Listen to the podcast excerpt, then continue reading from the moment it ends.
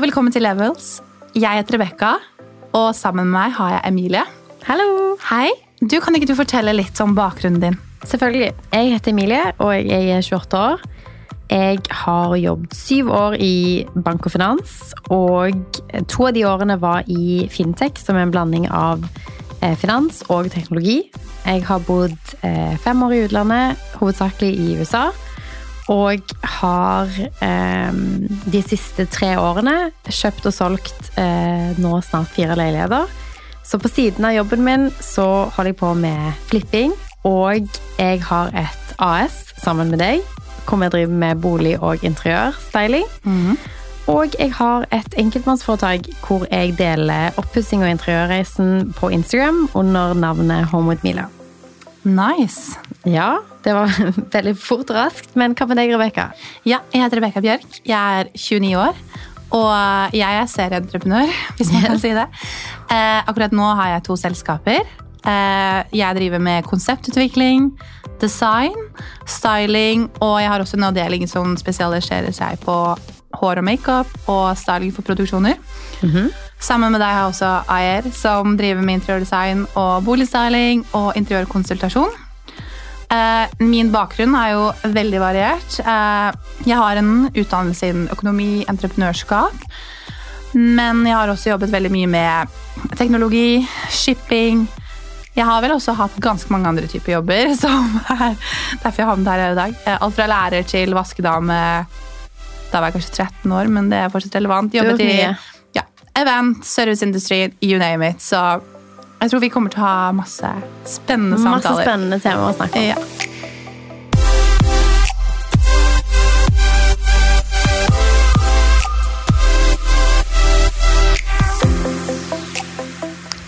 Velkommen til en ny episode av podcasten Levels. Vi snakker om alt fra sparing økonomi, eiendom, flipping og gründerlivet. Og i dag skal vi snakke om noe som jeg elsker, nemlig Flipping. ja. Ja, Emilie, fordi du har jo de siste tre årene Mm. kjøpt og solgt boliger ved flipping og tjent i underkant av tre millioner. Mm. Du er i gang med ditt fjerde prosjekt. Det vet vi ikke helt hvordan det kommer til å gå ennå, men Det blir veldig spennende. det blir veldig spennende.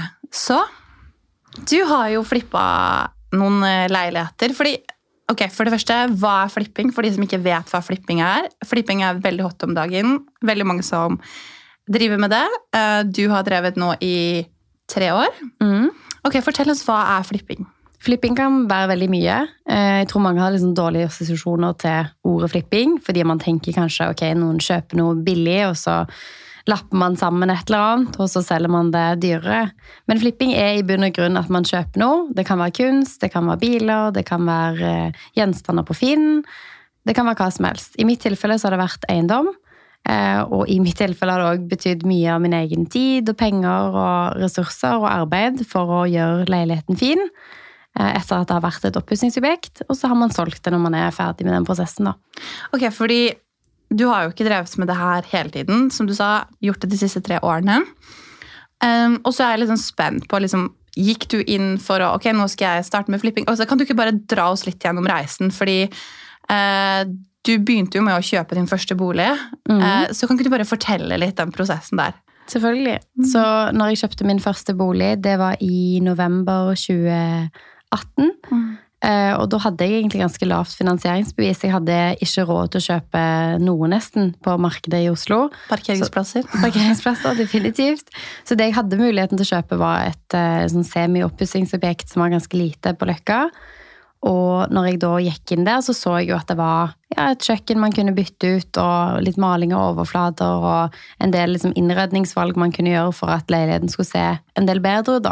Så utgangspunktet mitt var jo at dette er ikke min drømmeleilighet, men jeg kan skape det, da. Og i prosessen så ble jeg veldig glad i ja, interiør og renovering pluss oppussing, da. At det var noe som eh, jeg fant en hobby i, da. Ja, fordi i den leiligheten her så gjorde du jo litt enklere grep. Eller sånn, du, gjorde jo, du tok jo kjøkken, det er jo ikke akkurat et enkelt grep, men eh, hvis vi sammenligner med leiligheten som vi skal snakke litt om, så var jo, var jo på en måte det din kanskje inngang inn i det med eiendom og oppussing og sånn, at det på en måte bygde seg litt over tid. Eh, så hvor lenge bodde du i den første leiligheten din? Jeg kjøpte den i, ja, jeg kjøpte den i desember 2018, og så bodde jeg der eh, fram til januar 2020. Så 13 måneder cirka. Mm. Og det som er litt interessant her, er jo kanskje det som gjorde at du fikk aller størst interesse, og det er jo verdiøkningen du ser ved å på en måte oppgradere en leilighet som var den var jo ikke, Det var jo ikke sånn typisk oppussingsobjekt, dette. Så det var sånn, Du kunne hatt flyttet inn og bodd der helt ok, men fordi din interesse med interiør og design gjorde at du ville gjøre noe, ting, så økte den med verdi. Og så skulle du selge, og da fikk du deg vel kanskje en liten overraskelse, eller? Ja, altså, nå har man jo vært veldig heldig i mange boligmarkeder i Norge de siste årene, fordi det har vært økende eh, boligpriser, så man har fått en del hjelp av et godt marked, selvfølgelig. Men eh, jeg hadde en megler på besøk som ga meg litt sånn indikasjoner på hva andre lignende boliger hadde solgt for i området. Og da fikk jeg et ønske om at ok, nå tenker jeg at jeg selger, og så håper jeg på en gevinst, og så kan jeg bruke den gevinsten på å kjøpe noe som var større. Og da var på ingen måte tanken flipping. Da var det liksom Ok, nå har jeg kanskje en mulighet til å endelig få meg en større leilighet. På det tidspunktet så bodde kjæresten min med meg um, i et halvt år, og da var vi to stykker i eh, 35 kvadrat, og det var ganske trangt med liksom begynnelsen av hjemmekontor og litt eh, som akkurat holdt på å skje da. Så da kjente jeg at jeg trengte litt mer plass. Så det var egentlig bare et sånt naturlig ønske om å ja, prøve å oppgradere størrelsen, da. Ja, og hvor, eh, hvor mye tjente du, om jeg kan spørre, på salg av din første bolig? Så jeg tjente i underkant av 600, eh, og da hadde jeg eh, egentlig brukt sparepengene mine på å bytte kjøkken og hadde fått det på 50% salg, så det er et godt tips. Følg med litt på disse kjøkkenleverandørene, har ofte ganske gode salg, så du kan hente inn en del på materialkostnader og, og sånt på relativt dyre ting. Så jeg gjorde det, og kjøpte resten, gikk til maling og arbeid og elektriker og sånne ting. Og, og selvfølgelig meglerkostnaden. Så jeg satt igjen med litt under 600 ca. Da etter dekte kostnader, ikke sant? Ja, ca. Og det er jo det som er litt interessant, det der at disse valgene du tok, som var selvfølgelig sikkert litt økonomisk drevet i starten, med tanke på at man ikke har kanskje de største budsjettene for å starte, da. Um, og at du på en måte allikevel ja, gjorde noen smarte investeringer som uppa verdien bedre. Uh, med tanke på hadde du kjøpt kjøkken til full pris igjen, og du hadde jo fortsatt tjent godt på det, men uh, ja, kanskje noe mindre. Men det er jo kjempe, kjempebra. Og så skulle du jo inn på markedet igjen. Mm -hmm. Da det også et annet marked. Ja, så jeg har vært ganske heldig når jeg har kjøpt og solgt. egentlig. Jeg har klart å få en ganske grei kvadratmeterpris når jeg har solgt, og så har jeg fått eh, leiligheter som har ligget en stund på markedet når jeg har vært på kjøpersiden. da. Så etter jeg solgte den leiligheten, så var jeg på en del visninger og fant en eh, fin leilighet på Tøyen som var i sånn OK stand. Litt samme type. Eh, det har jeg funnet at det er min favoritt. At du kommer der og du tenker ok, jeg kan bo her, men det er kanskje litt sånn lavere standard, og det er et par områder som man bør pusse opp, da.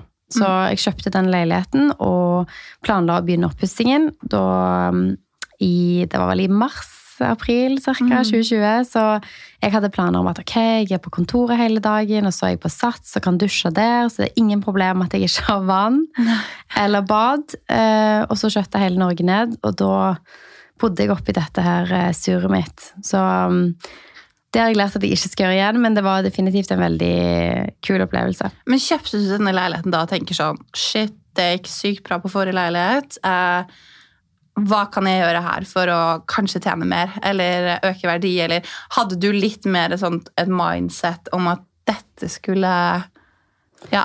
Egentlig ikke ennå. Jeg hadde på en måte en sånn, jeg var superglad for at jeg kunne kjøpe meg en større leilighet, og hadde fremdeles ikke et sånt finansieringsbis som gjorde at jeg kunne kjøpe drømmeleiligheten på noen måte, men jeg kunne få en størrelse som jeg var veldig fornøyd med, og så var det liksom innsiden som jeg kunne gjøre noe med. da.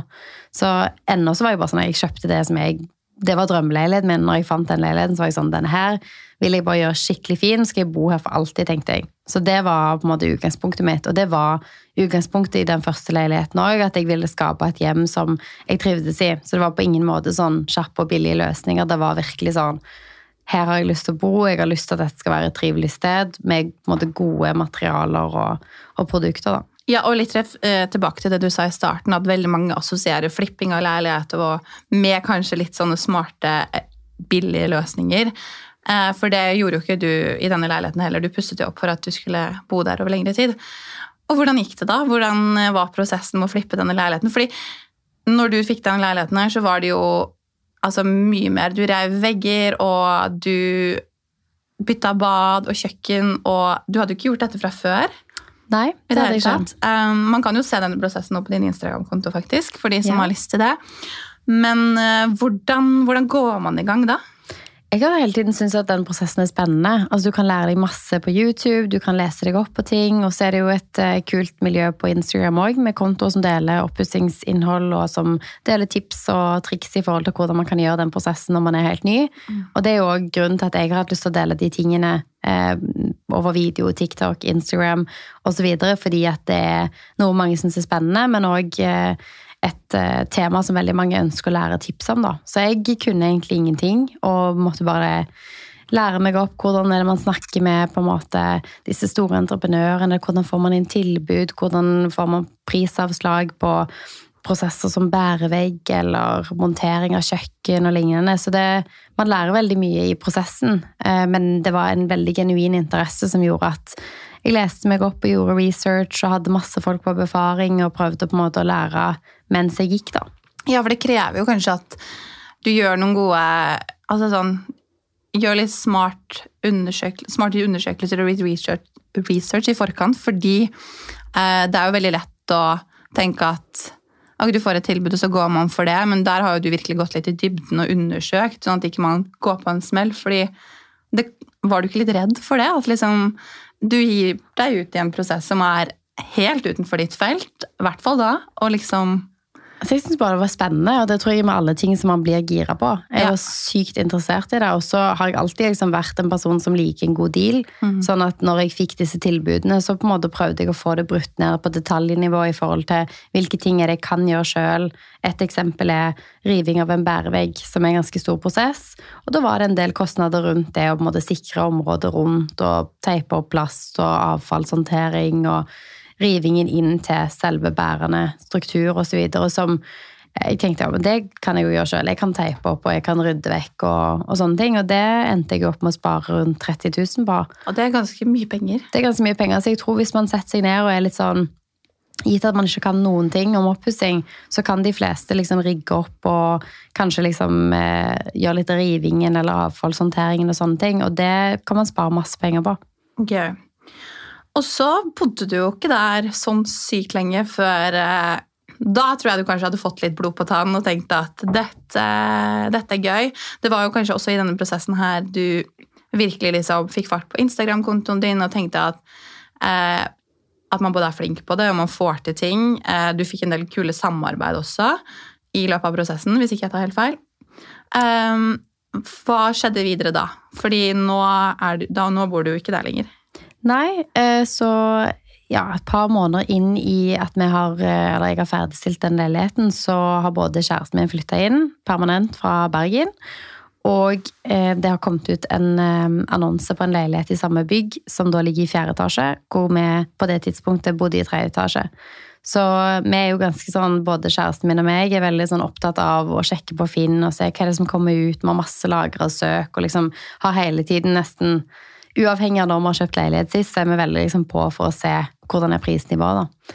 Så ser vi at det kommer ut en leilighet i samme bygg som har akkurat identisk planløsning, og den ligger ute en stund. Og da blir jeg liksom en gang sånn, ok, den, den leiligheten har jeg lyst på. Men da har jeg jo akkurat kjøpt en leilighet og har ingen mulighet til å få finansiering, så jeg går opp all slags eh, obskure måter for å prøve å få et lån. vurdere bl.a. å få inn eh, investorer, eller liksom se ok, er det mulig å kjøpe dette med noen andre, eh, utover både meg og kjæresten min Håvard. Så vi går opp mye forskjellig, og så ender vi med å klare å sikre finansiering til den leiligheten. For du skulle ha den. jeg skulle ha den. Jeg hadde vært veldig fast bestemt på at den skulle jeg ha. Og så var vi liksom hele tiden ok, kommer den til å bli solgt? Den lå lenger og Ja, for den ble jo ikke solgt først. Den gjorde ikke det. Um, så det kom ingen bud på den boligen. Eh, som jeg var veldig overraska over, fordi den lå prisandel under det vi hadde kjøpt leilighet for i samme bygget bare et par måneder før. Og så var den selvfølgelig i dårligere stand, så det var jo litt ting å gjøre. Men på det tidspunktet så følte jeg meg jo veldig komfortabel med hva som var inni veggene der, og hvordan bygget var, og standen på bygget. Så jeg visste at det var godt fundament. Sånn at eh, når ingen kjøpte den, og vi plutselig fikk finansiering, så hoppet vi på og kjøpte den leiligheten. Og da, det var den første leiligheten kjæresten min og meg kjøpte sammen. da. Så det var veldig spennende. Så gøy. Og det er der du bor nå? Det er der vi bor nå.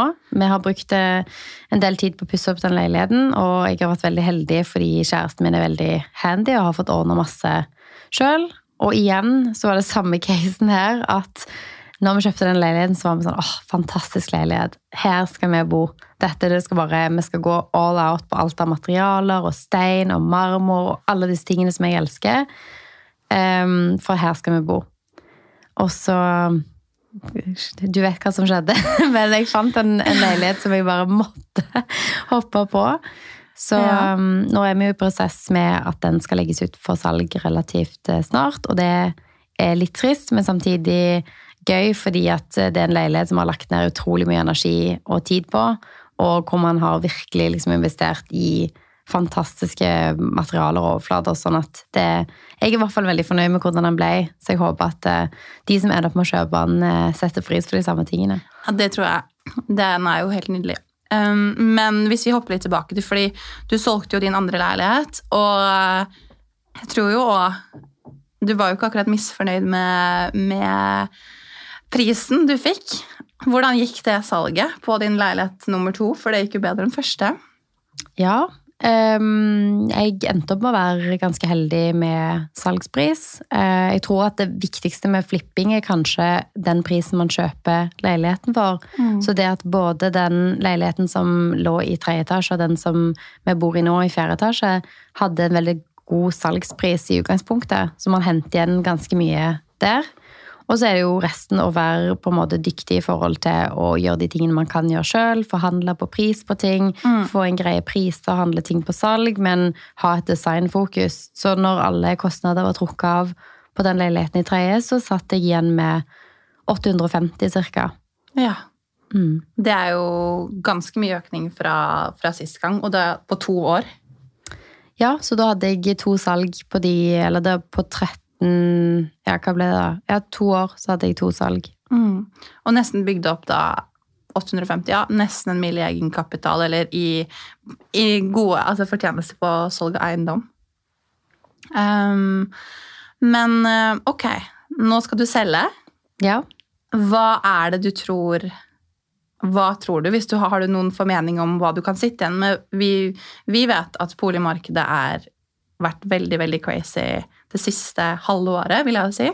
Mm. Jeg som er på boligjakt selv. Yeah. Um, men eh, har du noen sånn fordi nå er det jo Nå vet du jo litt hva du kan tjene. Du har solgt en tilsvarende leilighet. Mm. Du har selvfølgelig gjort veldig gode investeringer her også med tanke på valg av eh, hva du har gjort når du har pusset opp. Men hvis du tør å håpe, hva tror du du kanskje håper på å sitte igjen med? Så kan vi jo se da om et par måneder om den går for deg. Jeg føler jeg jinxer det hvis jeg sier det nå. Du jinxer eh, ikke. Det her er bare Nei, altså jeg håper jo at eh, vi på en måte får igjen for mange av de Vi har gjort en del dyrere valg i den leiligheten enn vi gjorde i den forrige. Vi har blant annet brukt en del penger på stein til kjøkkenet og vaskestein og en hel vegg i marmor og veldig liksom, fine gulv og sånne ting. Så jeg håper at vi på en måte får igjen for at man har lagt inn mye på det, da. Eh, Men um, Jeg må ha et tall. ja, kanskje sånn 1,5? 1,5. Ja. Ja. Ok, men da må vi bare gi deg et par måneder, da, så får vi se hva den går for. Men jeg tror, jeg tror du, du har jo gjort det her nå, så du vet jo litt hva markedet er, og hva du kan få for kontra hva du kjøpte for, da. Ja. Så spennende. Og nå skal du i gang med ditt fjerde flippeprosjekt på tre år. ja, det stemmer. Nå har du jo blitt en flipper. Ja, eh, det har jo blitt litt sånn tilfeldig, egentlig. Det er jo på en måte sånn med mange ting som man plutselig bare kommer seg inn i. Og det er jo at man har en genuin interesse, og så plutselig liksom gjennom egentlig tilfeldige kjøp og salg, så har det blitt sånn som det har blitt. da. Men eh, jeg gleder meg veldig til å starte på den, eh, det fjerde prosjektet nå. Og nå har vi jo på en måte fått opp et litt sånn team av, av håndverkere som vi vet er flinke, og som har jobbet med tidligere, og hvor mye av det som kanskje mange syns er stress med oppussing, er jo ofte det der koordineringen og det å finne folk og det å legge ut ting på mitt anbud og forhøre seg med venner og kjente i forhold til folk de gjerne har jobbet med eller anbefalt og tatt befaringer og sånn. Sånn at jeg tror når man på en måte har fått landa litt, og man får noen gode som man kan stole på, som er dyktige, så har man på en måte litt mindre av det stressmomentet når man går i gang, og litt mer av den, det at vi liker det veldig godt begge to. Vi syns det er kjempespennende. Vi liker å være kreative i forhold til hvordan leiligheten ser ut. Og så har man en veldig sånn genuint ønske om at man skal skape et fint hjem. da. Det er ikke, Først og fremst er det på en måte å lage et nydelig hjem, og så er det en bonus hvis du får et bra regnestykke, tenker jeg. Tenker jeg jo. Um, for ja, dere må jo like det nå. Altså, sånn, jeg har jo møtt mange som har pustet opp og bare sånn Nå skal jeg bo her i ti år, orker ikke tanken på å vaske et støvete gulv eller vet ikke, male en vegg til. Men eh, det er jo ikke tilfellet hos dere. Nei, jeg tror vi har vært veldig heldige. Begge to syns det er gøy. Og så tror jeg at eh, hvis man skal sammenligne med noe annet, da eh, Når man faktisk liksom sitter i Excel og man ser liksom hva type fortjeneste kan man ha på sånne type prosjekter, så tilsvarer det jo i mange tilfeller en årslønn før skatt. Mm. Og det er liksom, i hvert fall for min del, noe som jeg ikke vet hva annen liksom, aktivaklasse eller en annen kategori av investeringer man kan gjøre for å få til det. da. I hvert fall som en person som har fulltidsjobb, og som på en måte Det å flytte en gang i året liksom, har vært en ganske sånn ok eh, ting for oss å gjøre. For, og spesielt når man har den interessen man har. Det er noe som man genuint syns er kjempegøy. Ja, det skjønner jeg. Ok, så du, eh, du, du har jo litt god erfaring med flipping nå. Um, og du viser jo bare at man alle kan jo på en måte starte, men man må kanskje gå inn med litt sånn Ok, her skal jeg bo, og så bygge seg litt oppover. Det har jo gått fort, fordi for en del så har du flyttet hvert år. Men uh, hvis vi skal kutte det litt ned da, til uh, tips til de som vil enten begynne med flipping, eller de som er i prosessen og snuse litt på tanken med at gøy, jeg kan tjene, tjene, penger på eiendom her. Eh, kan ikke du gi dine beste tips til hva man må ha i bakhodet? Absolutt. Det er et par ting som jeg syns er utrolig viktig. og Det er kanskje det første er at eh, de beste regnestykkene de gjør det når du kjøper en leilighet. Så vær litt mindre på en måte følelsesladet når man går inn i en budrunde, og tenk heller på ok, hvis jeg kjøper for denne prisen her, eller det er en budrunde og den går litt over, og det koster meg f.eks. 500 000 å pusse opp, og jeg har salgsomkostninger på 100 000 etter jeg er ferdig, så sitter jeg igjen med dette. Lag deg et konkret regnestykke på hvordan det vil se ut, og liksom stopp deg sjøl når du begynner å komme over i et, eh, et salgssum som ikke gir deg noen marginer i det hele tatt. Veldig mange blir veldig sånn revet med, og det er følelsen som styrer. Men det eneste du egentlig trenger å handle en leilighet på, er jo basert på hvor er det du har lyst til å bo, alt inni det kan du liksom ordne opp i etterpå. Så jeg tror liksom sånn Mitt aller første og beste tips tror jeg er at du tjener mest penger når du kjøper leiligheten. Og det har jeg sett i alle de gangene jeg har kjøpt leilighet nå. Det har vært at eh, får du en god deal når du kjøper boligen, og det har jeg jo gjort et par ganger nå, selv om det har vært veldig sånn prisvekst. Det er alltid noen objekter som ikke går, eller som ligger lenge, eller som av en eller annen grunn er det lite interesse rundt, og de kan man gjerne da være på en måte kanskje litt sånn ekstra oppmerksomme på, da. Så tror jeg nummer to det å se hele tiden. Vi var inne på det, men uh, være liksom Finn-obsessed, uh, ha masse lagra søk inne. Uh, finn ut på en måte de tingene som gjerne ikke inngår i andre folk sine søk. At det jeg i hvert fall ser mye av, er at mange av de som skal ha store leiligheter, de er sånn 'jeg må ha balkong, jeg må ha peis, jeg må ha alle mm. disse tingene'. Så hvis du begynner å se etter leiligheter i samme størrelseklasse uten f.eks. balkong eller peis, med muligheten f.eks. til å legge inn en peis, eller det er kanskje en balkongsøknad på vei, så er det på en måte måter du kan få en lavere kvadratmeterpris, men fremdeles få samme type størrelse på leilighet. Så det er noe som har vært avgjørende, i hvert fall de siste tre gangene jeg har kjøpt leilighet, at man eh, ser litt etter de leilighetene som andre gjerne overser fordi at de ikke har balkong, eller de gjerne ikke har peis, eller lignende. Mm. Og så tror jeg at eh, det siste er å være veldig villig til å lære seg ting, og på en måte være litt sånn Gjør research, spør folk du kjenner som har kanskje gode kontakter, eller som har brukt noen som de har vært fornøyd med i forhold til oppussing. Eh, prøv å finne ut de tingene du kan lære deg sjøl. Alt fra sånn maling, riving, avfallshåndtering, montering, sånne ting er ting som man gjerne kan få til uten noen form for erfaring. Og så er det andre ting som kanskje helsparkling og andre ting som man kan lære seg med litt, eh, med litt erfaring, bare. Så er det sånn worst case. Du prøver å gjøre det sjøl, og så hvis det går skikkelig skeis, så kan du ringe noen. Så alternativet er jo bare at du, du betaler for det til slutt uansett, og så kanskje har du klart å løse det sjøl. Ok, så summa summarum så er det basically lage et godt regnestykke. Se om du kan eh, ikke Jeg vil ikke si lower your standard, men kanskje være litt lur da, med tanke på løsninger, ikke ha for høye krav i første omgang, og lær deg å gjøre ting selv. Absolutt. Ja, men så bra. Og det her kan vi også lære masse om på din Instagram-profil, så jeg anbefaler alle å sjekke ut den for eh, flipping av leilighet. Ja, absolutt. Der deler vi jo alt av videoinnhold både for før og under eh, oppussingsprosessen, og alt vi tenker på når vi planlegger. Så der deler vi masse av det vi har snakket om nå. Og hvis dere har noen spørsmål om noen av disse temaene, send gjerne meg en DM eller til podkast-instagrammen vår eller til Rebekka med spørsmål, og så snakker jeg gledelig om dette i mange timer. Ja, det vet jeg. Og vi skal jo også ha gjester som driver med flipping og har gjort gode, gode investeringer med tanke på eiendom. Så Men eh, det var det vi hadde for i dag. Yes, Vi snakkes neste uke. Det gjør vi. Ha det! Ha det.